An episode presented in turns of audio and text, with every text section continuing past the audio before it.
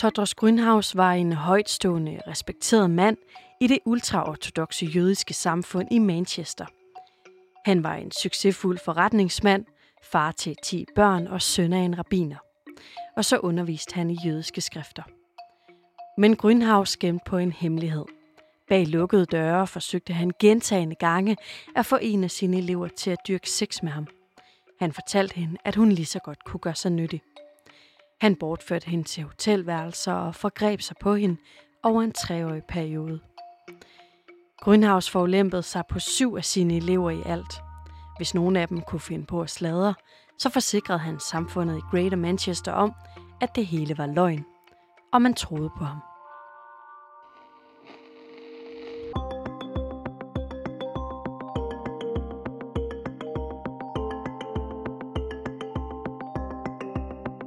Grünhaus, som du lige har mødt her, han er altså bare et eksempel på en religiøs skikkelse i Storbritannien, som har forulæmpet børn. Rent faktisk så viser det sig, at vold og seksuelle overgreb det er en del af flere religiøse miljøer, der involverer børn i både England og Wales. Og at det på grund af religiøse leders magt kan være svært for offrene, altså børnene, at fortælle om det og anmelde det. Det viser en ny engelsk undersøgelse, som har set ind i ikke færre end 38 forskellige religiøse miljøer. Og det dækker altså alt fra Jehovas vidner og baptister over muslimer og hinduister og til buddhister og kristne. I dagens udsyn der tager jeg dig med til Storbritannien, hvor vi dykker ned i de her sager. Vi ser på konsekvensen af dem, og så spørger vi os, hvorfor det engelske samfund ikke griber ind.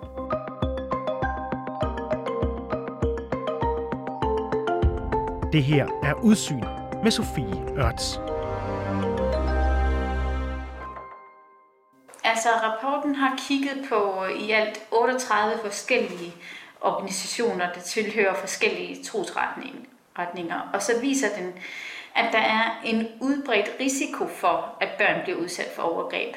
Der er simpelthen ikke et sikkerhedsnet, der griber øh, de her udsatte børn, og man mener, at det kan udnyttes.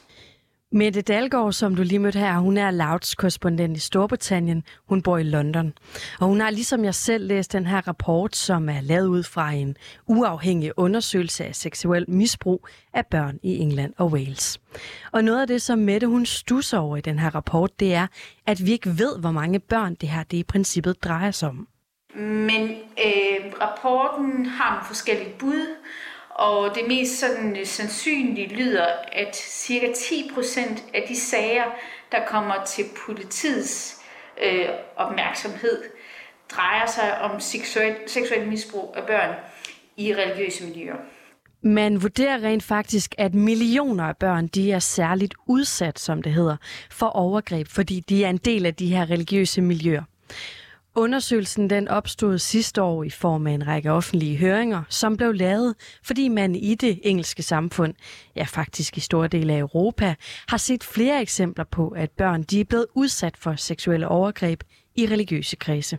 Altså, vi vidste jo godt, at den angelsaksiske kirke og den katolske kirke har haft de her sager. Øh, det har faktisk også været øh, sådan, øh, røster om i Danmark. Øh, den katolske kirke har haft nogle sager, og kigger man sådan ud over Europa, så, så er, er det, altså popper det op sådan med jævne mellemrum, at der er nogle præster, der har forgrebet sig øh, mod, mod messedrenge osv. Så på den måde så har man også nok haft en formodning om, at overgreb mod børn og unge forekommer i andre religiøse miljøer. Når man så går i skole, øh, søndagsskole eller madrassa eller øh, på hvad hedder det, religiøse sommerlejre, så er det jo sådan noget med, at man gerne skal undervises i, hvordan man opfører sig godt. Øh, altså de her religiøse øh, øh, organisationer sætter sig ofte højt op på sådan den moralske hest.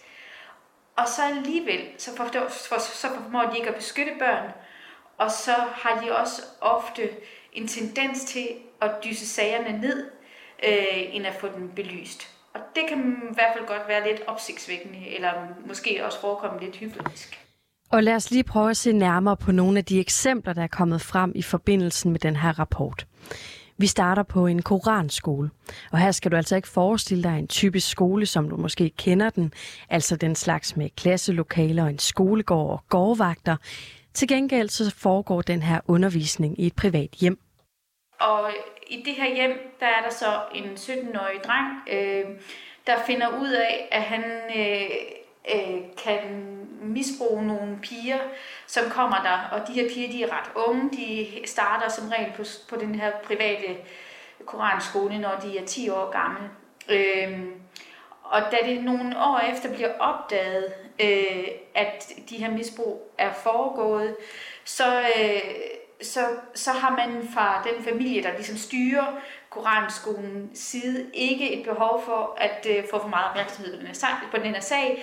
De synes faktisk, at øh, den ikke skal meldes, fordi det vil skade drengens sådan, omdømme. Øh, familierne til, til nogle af pigerne får besked om, at øh, deres datter jo også har været skøre, og de selv har bedt om det. Det her, det er altså barske sager, og det er helt ubegribeligt, at det kan ske. Et andet eksempel fra den her rapport, det handler om en 8-årig dreng, der er metodist. Der sker så det ulykkelige, at hans, øh, hans mor dør, øh, da han ja, er 8 år, og han er så alene med sin far og brødre. Det bliver arrangeret, at børnene skal have hjemmeundervisning i en fra den her metodistmenighed. Og det er så øh, i hjemmet, hvor, forældrene, eller hvor faren ikke er hjemme, at drengen bliver udsat for overgreb i en overrække. Og han bliver truet til at holde sin mund, for hvis han siger noget, så vil hans far miste forældreretten. Og det er jo nok det værste, man kan presse et barn med, øh, når den, den her dreng han i forvejen kun har én forælder. Selvom de her to sager de kan virke forskellige i det, det ene er fra et muslimsk miljø, og den anden er fra et kristent miljø, så har de nogle fællestræk. Fællestræk, som går igen i den her nye rapport. Det er på den ene side svært for barnet at fortælle om øh, det misbrug, der finder sted. Øh, og på den anden side, så er der også nogle strukturer, der gør det nemmere at være gerningsmand i det her øh, miljø. Øh, fordi at der er nogle beskyttende faktorer over for gerningsmændene, og det er svært for børnene at få, øh, og, og sådan, og, og, og, og få opmærksomhed om, at der, at der kan være foregået et overgreb. Og de her træk, dem ser vi også i sagen om den jødiske underviser Grünhaus. Den her rødskækkede mand i 50'erne, som du også mødte i begyndelsen af podcasten.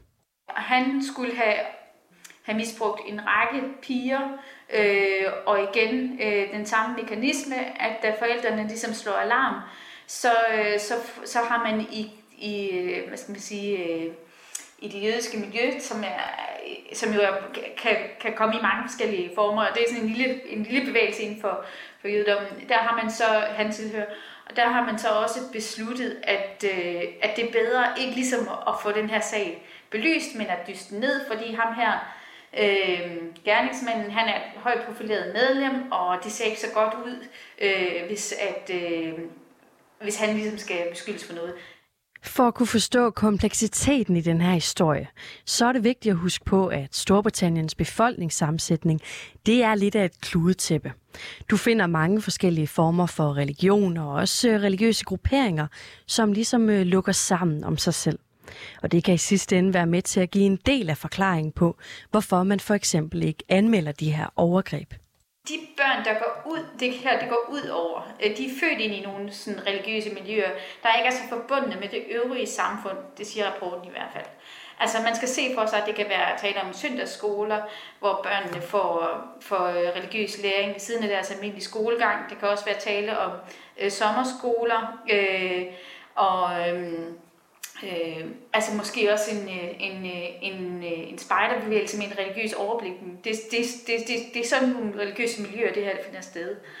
Øh, og nogle af de her øh, religiøse fællesskaber øh, er ikke, som sagt, så forbundne med det øvrige samfund. Det betyder, at der kan være en mistro til politiet eller sociale myndigheder, fordi man simpelthen frygter, at en offentlig sag øh, kan blive enden på, på organisationens virke. Altså at det vil, tilbage, vil kaste et dårligt lys tilbage på den religiøse, religiøse organisation, hvis, man, hvis det kommer frem, at man har haft sådan en sag her. Så på den måde kan man godt tale om en slags parallelsamfund, som ikke er lige så kontrolleret og reguleret som det øvrige øh, britiske samfund. Og så igen, fordi man ikke vil risikere at få et flakket ry udadtil, så taler man ikke højt om de her sager.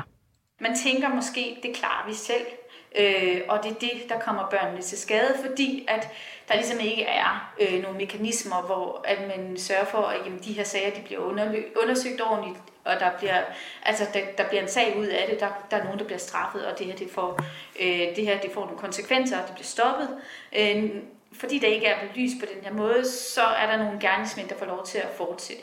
Med i den her rapport, der taler man også om begreber som victim blaming og abuse of power, altså magtmisbrug. Hvordan mener man egentlig, at det kommer til udtryk? Altså, for det første kan det jo være enormt skamfuldt at skulle, øh, skulle ligesom sige, at øh, min lærer eller min pædagogmedhjælper øh, har misbrugt mig. Når det så foregår i et, i et miljø, hvor der også er tro religion øh, indblandet, så er der nogle andre ting på spil. Øh, for det første, så er det jo øh, så, så er det en person, der begår øh, de her forbrydelser mod dig, som hævder, at han øh, har øh, sandheden om, hvordan man skal opføre sig, hvordan, hvad der er god opførsel. Øh, der kan også være sådan et element af tilgivelse i, der, i det. Øh, ja, øh, jeg kan også synde, men vi skal lære at tilgive. Øh, det er sådan en anden faktor, der ligger inde i, i det her med øh, overgreb i religiøse midle, øh, miljøer. Og så er der en tredje faktor, nemlig at det religiøse miljøer kan være enormt tabubelagt overhovedet at tale om sex, misbrug og lyster. Og derfor kan det være enormt svært ligesom at sige, det her der overgik mig. Øh, og nogle gange bliver reaktionen, det overgik dig, fordi du bad selv om det. Du er en tøjte, eller du øh, er også lidt let på tråden. Øhm, og det er, næsten, det er i nogle seksuelle, eller i nogle øh, religiøse miljøer, der er det næsten det værste stempel, du kan få, fordi det er, øh, det er skam med skam på. Så, øh, så derfor siger rapporten, at det bliver ekstra sprængfarligt, når det er øh, altså at det i sig selv er rigtig øh, kedeligt og trist og synd for børnene, at de bliver udsat for, for seksuelt overgreb. Men når der så er den religiøse øh, overbygning ovenpå, så er det faktisk endnu mere sårbart. Med det, alt det her, det lyder jo virkelig som noget, der er voldsomt kritisabelt. Hvordan har det britiske sådan, resterende samfund egentlig reageret på den her øh, rapport? Altså selvfølgelig har den vagt øh, sådan øh, almindelig debat, øh, og, og der er også en forståelse af, at der er behov for, at myndigheder kan følge bedre med i, hvad der sker i de her lukkede miljøer. Øh, man har foreslået blandt andet, at der er sådan et særligt skolekontrolorgan, der hedder Ofsted herover, øh, som ser alle skoler efter i sømne, de også skal have lov til at omfatte søndagsskoler for eksempel. Øh, Øh, det vil i hvert fald betyde, at religiøse organisationer bliver nødt til at lægge en plan for, hvad man skal gøre, når sådan en sag opstår. Fordi det er der rigtig mange, der ikke har. Men derudover så har mange britter også tænkt det, der desværre kan virke oplagt i den her sammenhæng. Nemlig at seksuelle overgreb på børn også finder sted i de her religiøse miljøer, som vi har hørt om indtil nu. Det er nemlig slet ikke første gang, man hører om den her slags. Det er ikke så lang tid siden, at den øh, tilsvarende undersøgelse af den katolske kirke og den angelsaksiske kirke viste, øh, at, øh, at, at der også er, er hvad hedder det, brødne kar blandt de gejstlige der. Og det er de to store trosretninger herover. The inquiry could hardly be more damning. Described as a place where abusers could hide, The Church of England and Wales for decades accused of neglect of the physical, emotional, and spiritual well being of children, an institution that saw protecting its reputation as the priority.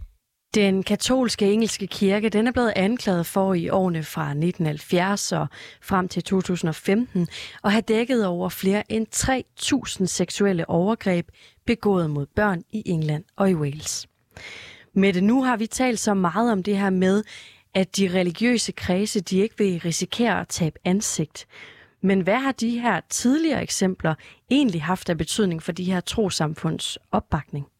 De sager, der har været i Irland især omkring den katolske kirke, det er de her sager, hvor at præster øh, har øh, misbrugt messedrenge, og hvor kirken har forsøgt at dække over det ved at sende øh, præsterne rundt i nogle nye embeder, i stedet for ligesom at tage fat om nældens rod ved det den, de sager, der har været der, og de har jo været, altså, de, de har været afsløret gang på gang på gang på gang over 20 år, har i hvert fald sådan affødt en mistillid til, til den katolske kirke, og til dels også til den angelsaksiske kirke, hvor der har været tilsvarende sager, øh, ikke så systematisk, som det har været i den katolske kirke.